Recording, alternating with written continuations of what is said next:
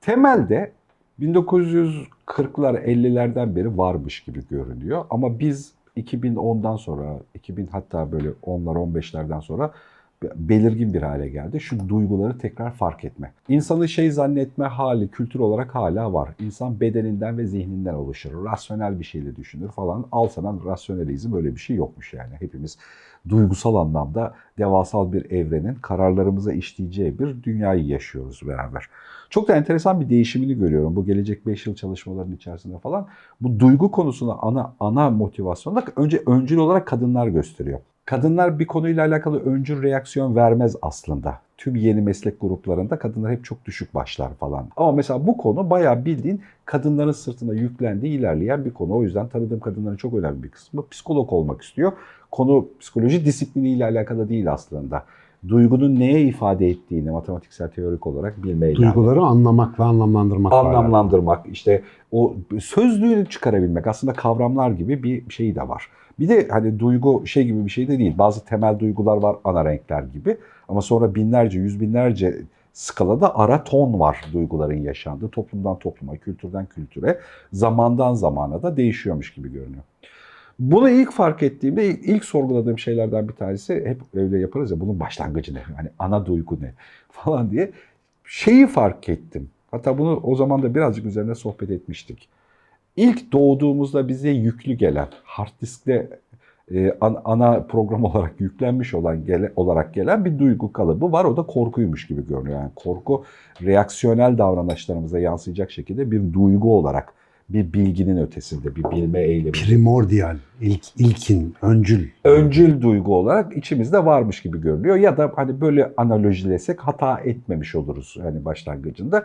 Çünkü mesela bunu neyle iyileştiriyoruz biz? Korkunun hemen o korku itme eyleminin bir şeyine sevme, kapsama eylemiyle, sevgiyle karşıtlıyoruz en ilkel duyguya geliştirdiğimiz en sabit madde antimadde ilişkisi. Aslında galiba korkulacak zannettiğimiz şeyin korkulacak olmadığını fark ettiğimizde ona yaptığımız iade itibara sevgi diyoruz aslında. Yani bir şey default olarak yeni her şey korkutucu. Ama bakıyorsun korkacak bir şey yok. Dolayısıyla onu seviyorsun ve benimsiyorsun ama Korkunç. Böyle de ele alınır ama mesela şey tarafı da var ya e, hikayenin. Mesela doğuyorsun dış unsurların tümü aslında korkunç senin için. Tabii her şey korkunç. Her şey korkunç. Ama bir kadın seni seviyor. Yani daha doğrusu sana sıcak, yakıncıl yapıyor. Birdenbire onu severek dışa karşı hani bir dış ve bir madde antimadde ilişkisi doğuyor ya da bir tür zıtlık ekolojisi doğuyormuş gibi çizgi Öyle, film aynen, diyorum kafamda aynen. bir şeydi. Şimdi bu sohbeti burada azıcık pausluyorum, bağlayacağım. Bir de ikinci bir durum var. İyi ve kötü kavramlarının günümüzdeki hayatımızdaki yeri. Bunu Türk dizileri bandından ele alırsak hani bambaşka bir ekoloji ya da evrensel tartışmalarla ele aldığımızda da kötülük ve iyilik diye de tarif ettiğimiz göreliliği tüm zıt kavramlar gibi göreliliği olan, neye göre iyi, kime göre kötü falan gibi şeyler olan bir şey var. Korkuyla kötü olma arasındaki bağın çok gerçek bir bağ olduğunu fark ettim birkaç yıl önce. Yani aslında gerçekten kötü diye bir şey yokmuş. Kötü korkusunu denetleyemeyen, korkusuyla cesurca baş edemeyen, korkusuna karşılık değerli bir bilgi kapsam geliştiremeyen kişinin olduğu ya da var olduğu halin adına biz kötü diyormuşuz gibi görünüyor biçimlendirirken. Birincisi sevgili Sinan Hocam soru olarak bunun nörolojik karşılığı sence yani böyle beyin plastisitesinde bir karşılığı ya da biçimi var mı? Yani bunu böyle hani biz çizgi film olarak tarif ediyoruz dışarıda da var mı? Ve e, artı olarak buradan hadi birazcık muhabbet devşirelim. Şu kötüyü bir Çok, açalım. Nasıl diyeyim şimdiye kadar konuştuğumuz konuların hayatın en göbeğine temas edeni bu olabilir. Çünkü insandan gördüğümüz Zaten kötülüğü biz sadece insandan görüyoruz bu arada. Bunu da daha sonra tartışırız. Yani hep böyle kötülük problemi işte Tanrı varsa niye kötülük var tabiatta kötülük şu mu falan tartışılır ya. Ya aslan ceylanı yediğinde bu bir kötü mü değil kötü mü? Yani şimdi bunu ayrı konuşmak lazım ama bizim hayatımızda şu andaki işte 21. yüzyılda yaşadığımız şu dünyada gerek siyasal gerek ekonomik gerek içtimai gerek ailevi işte arkadaşlar arasında neyse yaşadığımız tüm ya bu kötülük dediğimiz ya da bize kötülük gibi gelen şey aslında tamamen bununla alakalı. Şimdi korku, endişe bizde bütün hayvani vasıflarda olduğu gibi aşırı abartılmış sonuçlara sebep oluyor. Yani mesela bütün canlıların akıl yürütmesi bizde felsefeye dönüşüyor ya. İşte bütün canlıların ne bileyim e, basit alet yapabilmesi bizde yaratıcılığa falan dönüşüyor ya. Şimdi burada bütün canlılar korkar. Belirsizlikten her canlı korkar ama onların korktuğu zaman beyninde aktif olan bir sistem vardır. İşte bu korku ve stres sistemi. Uzun uzun senle de konuştuk bunu daha önce. İşte amigdala çalışır, hormonlar salgılanır. Savaş kaç ya da don tepkisi verilir. Ne zamana kadar? O e, korku unsuru ortadan kaldırana kadar. Şimdi bazı canlılar da mesela özellikle gelişmiş olanlar böyle bir şey sezerler. Ortada henüz e, açık bir tehlike yoktur. Fakat böyle bir kıllanırlar. Bir endişeli bekleyiş moduna geçerler. Diyelim ki bir koku alır, bir çıtırtı duyar, bir bir şey olur. Endişe haline geçer. O endişe hali kısa bir süre devam eder. Bakar ki bir şey yok, normal hayatına geri döner.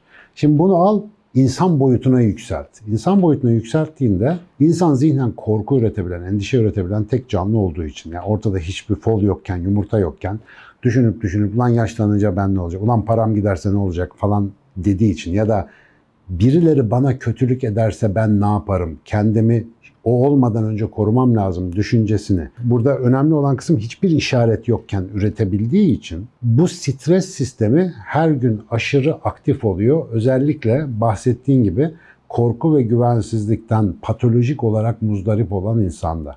Şimdi ben çok Kaygı ve endişe diyebilir miyiz? Mesela korkunun evrilmiş bu Şimdi haline. korku zaten daha önce de onu galiba tarif etmiştik. Yani korkuyla kaygı arasında temel bir fark var. Korkunun nesnesi belli, kaygının nesnesi yok.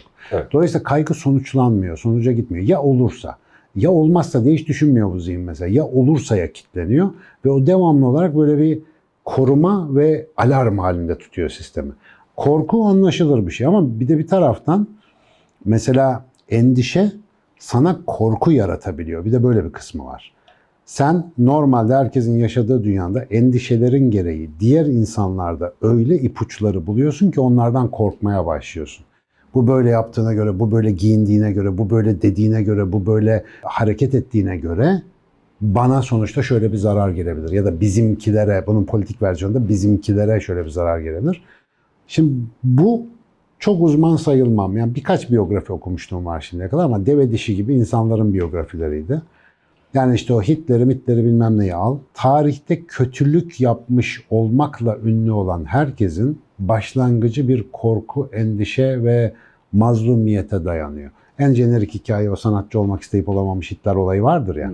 Mesela onun hayatında daha muhtemelen anlatılara, biyografilere kendi diline gelmemiş neler olmalı ki milyonlarca insanın kanını dökecek kadar kendine güvenli bir dünya ya- yaratma arzusuyla yanıp tutuşan bir zihin var orada. Büyük çapta baktığımızda hani Hitler'i anlamak bize bir şey getirmiyor ya da onu masumlaştırmıyor ya da ne bileyim işte yaptığı hareketlerin bahanesi olmaz o iş ama bunun küçük versiyonlarını, ufak versiyonlarını biz her gün yaşıyoruz. Şurada bir dakika sonrasında çıkacak mıyız belli olmayan bir dünyada 10 sene sonraki bilmem ne mi garanti altına alacağım diye insanların canını ot tıkamak, onlara eziyet etmek, hayatlarını zorlaştırmak en azından.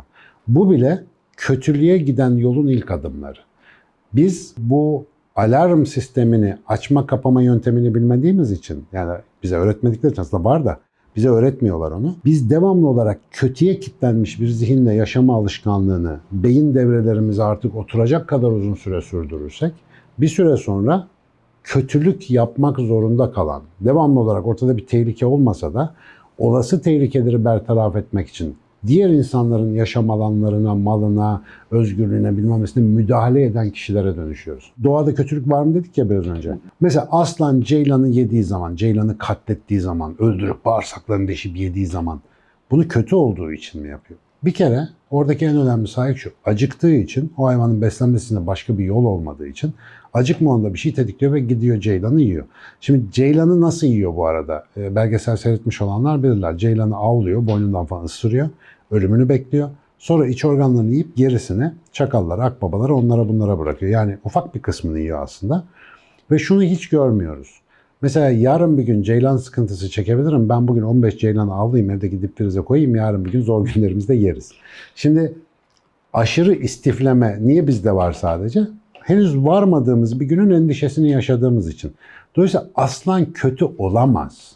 Aslan Ya da programı mesela gereği. kahverengi yeleli aslanlar olarak biz bu bölgeyi kapatalım da abi şunları bizim için Aynen kullanalım. bunlar bizim ceylanlar Mesela. falan. Tamam teritoryal bir olay var ama o sadece yetinebileceği yani nasıl diyelim ona fakr zarurete düşmemesi için gerekli olan bir dürtü. Ya da Yani şu bir- tabiatta bir denge abi Evet. denge. Dengeyi bozucu olmaktan bahsediyorum aslında. Çok işini kolaylaştıracak bir örnek vereceğim. Bu hikayenin öteki tarafta açlıktan ölen aslan yavrularını görmediğimiz için e, Ceylan'ın ölmesini çok trajikmiş gibi karşılıyoruz.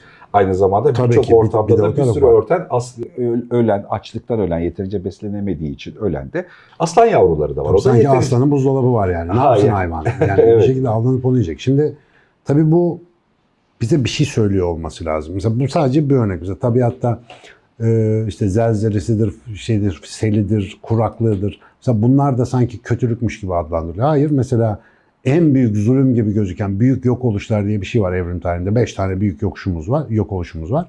Ondan sonra bizim dünya sahnesine çıkmamız mümkün oluyor. Yani bir sürü canlı ölüyor. Totalde yeni canlı çeşitliliğinin ortaya çıkması için bu lazım. Kambriyan patlaması da böyle. En son işte dinozorların gittiği hikaye de böyle. O dinozorları yok eden göktaşı düşmese önce can sonra canan yok. Yani biz yokuz burada. Memeliler dünyaya bu şekilde hakim olamayacaklar. Yani toplamda baktığında sistemin idamesine hizmet eden dişliler bunlar, küçük çarklar. Şimdi bize söylediği bir şey var bence. Ben çocuğumu yetiştirirken, ben bir siyasi olarak mesaj verirken, ben eğitim tasarlarken, ben işimi yaparken, ben beslenirken ya da birilerini beslerken korku yüklemesi üzerinden hareket ettiğim zaman kötücül olacağım. Tasavvufta severim onu. Haram olan tek duygu ümitsizliktir derler. Çünkü ümitsiz olan insan sistemin sahibinden bir haber kalmıştır. Yani sistemin sahibi olduğunu unutmuştur. Bu da onu zaten bütün daireden çıkarıyor. Anlatabiliyor muyum?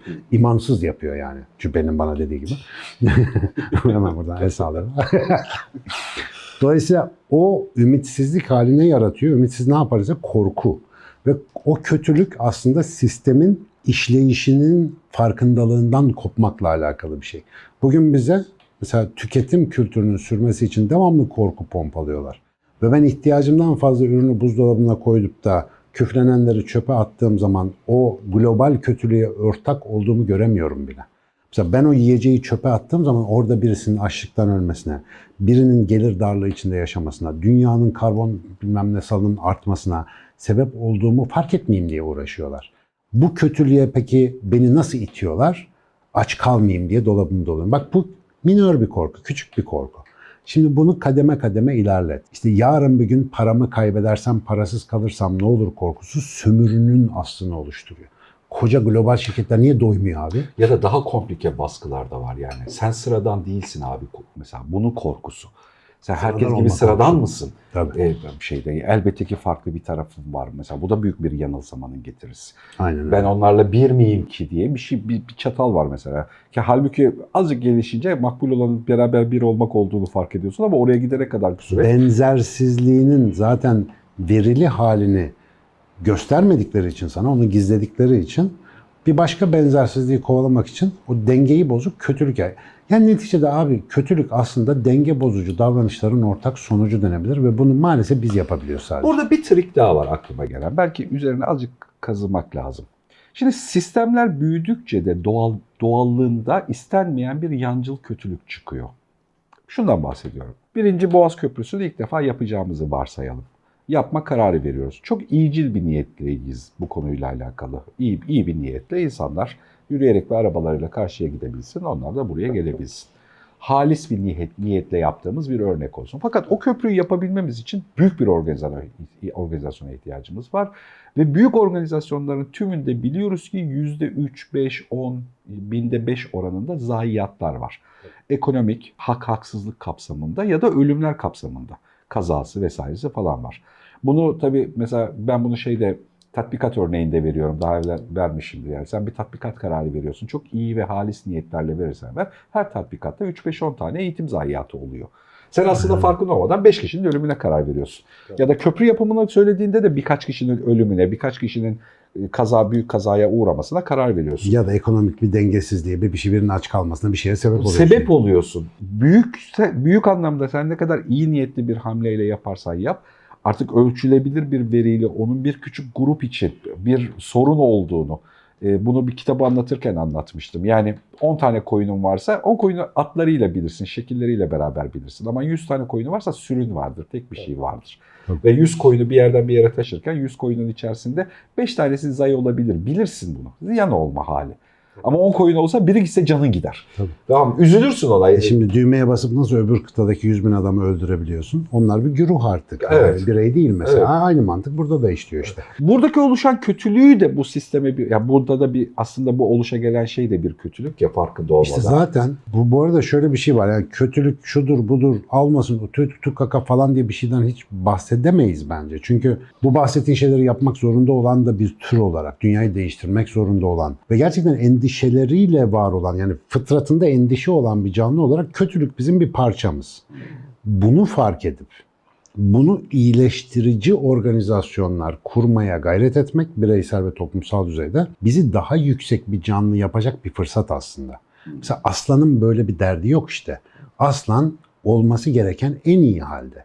Ve onun seviye düşüşü, seviye yükselişi falan gibi beklentisi yok. Aslan aslan yaşlanacak ölecek o kadar. Ya da biri onu işte parçalayacak neyse. Ama biz doğduktan sonra zaten ilk duygumuz, en kuvvetli duygumuz korku. Bir de etraftan pompalanarak bize yüklenen korkular var. Çocuk yetiştirirken yüklüyoruz, eğitimde yüklüyoruz, her yerde yüklüyoruz bunu. Bunları fark etmediğimiz zaman mesela kendimizi iyi zannedebiliyoruz. Diyoruz benim, ben ni neden bunlar benim başıma geliyor? İşte ben halbuki ne kadar iyi bir insanım. İşte ne kadar içtenim, ne kadar hede hedeyim. Halbuki korkularının davranış olarak dışarı yansımasını görmen için bir farkındalık yaşaman gerekiyor. Bunu gördüğünde anlıyorsun bazı şeyleri. Bu kötü, bu iyi. Hayır, o korkuyor, bu emin. O korkuyor. Böyle baktığında kötülüğün şekli değişiyor. Mesela kötüyle mücadele biçimin değişiyor. Artık onu eradike etmek, silip ortadan kaldırmak değil, önüne geçmek. Onu güvenli hissedebileceği alana taşımak için neler yapılabilecek? İşte bunun terapisi var, ekonomisini iyileştirmesi var, eğitimini düzeltmesi var falan falan gibi bir sürü şey düşünebiliriz. Burada belki işi kolaylaştırabilir. Kol- Korkuyla bilgi arasında da çok kuvvetli bir bağ var ya. Bilme hali aslında seni endişe ve kaygılardan uzaklaştırıyor. Bu da seni korkuya karşı güçlü hale getiriyor. Yani birini gerçekten kötü olduğunu varsaydığında ister istemez onun bir tür kanser gibi vücuttan alınması gerektiğini düşünüyorsun. Yani onu yalıtmalı, çıkartmalı ve göndermeli. Ama onun aslında endişeli ya da kaygılı, korkmuş olduğunu varsaydığında ya duygusal olarak korunma alanına alınması gereken ya da eksik bilgilerinin tamamlanması gereken bir insan olarak görmek gerekiyor. O ilişkiyi öyle kurmak gerekiyor. Ve Mustafa öyle bir yer getirdin ki cehalet neden en büyük kötülük? Evet, evet. Ya bak mesela inançlar ne diye konuşmuştuk? Bilgi boşluklarımızın arasını dolduran harç gibiydi. Bize böyle müstakil veya işte ne derler ona somut bir zihinsel blok sağlıyor. Ama mesela bu bana yeter, başka bir şey öğrenmeme gerek yok dediğinde o inanç boşlukların seni korkuyla, endişeyle saçma sapan şeyler yapabilir hale götürüyor. Ne kadar çok bilgiyle doldurursan, ne kadar çok idrak edersen, temaşa edersen, deneyimlersen o kadar korkun azalıyor. Cehaletten çıktıkça o kadar iyilik üretebiliyorsun. Bu arada iyilik sadece bir şey yardım etme falan değil. Mesela sanatsal bir fikir, bilimsel bir teori, bir insanın işini ko- kolaylaştıracak herhangi bir şey. Merhametle birine doğru şekilde bakmak. Aynen öyle.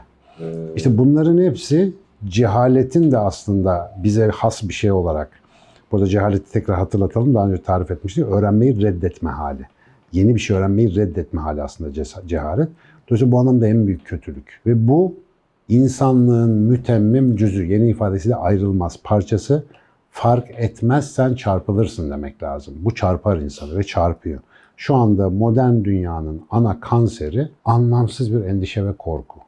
Herkes bir şeyden korkuyor. Herkes. Ya Covid'de bunu zaten şey olarak yaşadık. Global bir Evet. panik hali olarak yaşadık ama şimdi o çekildi. Başka paniklerimiz hemen yerini doldurdu. Bizim tabiat boşluk kabul etmiyor her zaman olduğu gibi. Devamlı bir şey. Sürekli kötülük üretiyoruz aslında. Ya bir durup işte sakin olup elindekilerin kıymetini bilip korktuğun şeylerin aslında hiç alanında ilgi e, radarında olmayan şeyler olduğunu fark etmek gibi egzersizleri belki daha çok yapmak lazım ama anksiyete çemberine sıkışmış insana bunu anlatarak da kabul ettirmek çok zor. Burada uyarmam gereken nörolojik kısımdan şöyle bir şey var. Çocukluk travmaları sonra bize bir sürü bir şey yapıyor ya. Ömürlük anksiyeteler öğrenince geçmiyor. Öğrendiğini distort edip, çarpıtıp anksiyetene yem yapıyorsun, ona malzeme yapıyorsun. Dünyayı artık öyle algılar oluyorsun. O yüzden mümkün mertebe erken yaşlarda umut verici, yaratıcı faaliyeti coşturucu, bilgiye ve öğrenmeye olan açlığı yani merakı arttırıcı bir dünya hazırlamamız lazım. Başta kendi çocuklarımıza. Yani hayatın gerçekten keşfetmeye değer, yani parayla marayla böyle eğlenceli yaşanacak bir şey olmadığını, her anın keşfe değer falan bir şey olduğunu o yaşta vermeye başlarsan, yani latif bir hayat kurgularsan en başta, latif bir hayattan geçen insanın korkuları kötülüğe dönüşmüyor. Hepimizde korku var. Ama kontrol etmeyi öğrenemedikten sonra işimiz zor. Şöyle bir düşününce hayatımızı en çok zorlaştıran bir konuyu da burada Can Canan masasına yatırmış olduğumuzu esefle görüyorum. Ya şu yüzden altını çizmek istedim. Bunu aslında tahmin ediyorum belki 60-70 bölüm öncesinde bir kez daha başka bir bakış açısıyla azıcık elden geçirdim. Havaya bakar mısınız? 60-70 bölüm öncesinde diyebilecek bir bölümsel sürekliliğimiz evet evet 170 bölüm olduk hocam geçtik 170 bölümü. Sokakta kendisiyle alakalı daha iyi bir versiyonunu isteyen herkesin önündeki engelle alakalı dış dünyaya ait bir tarifi var ya.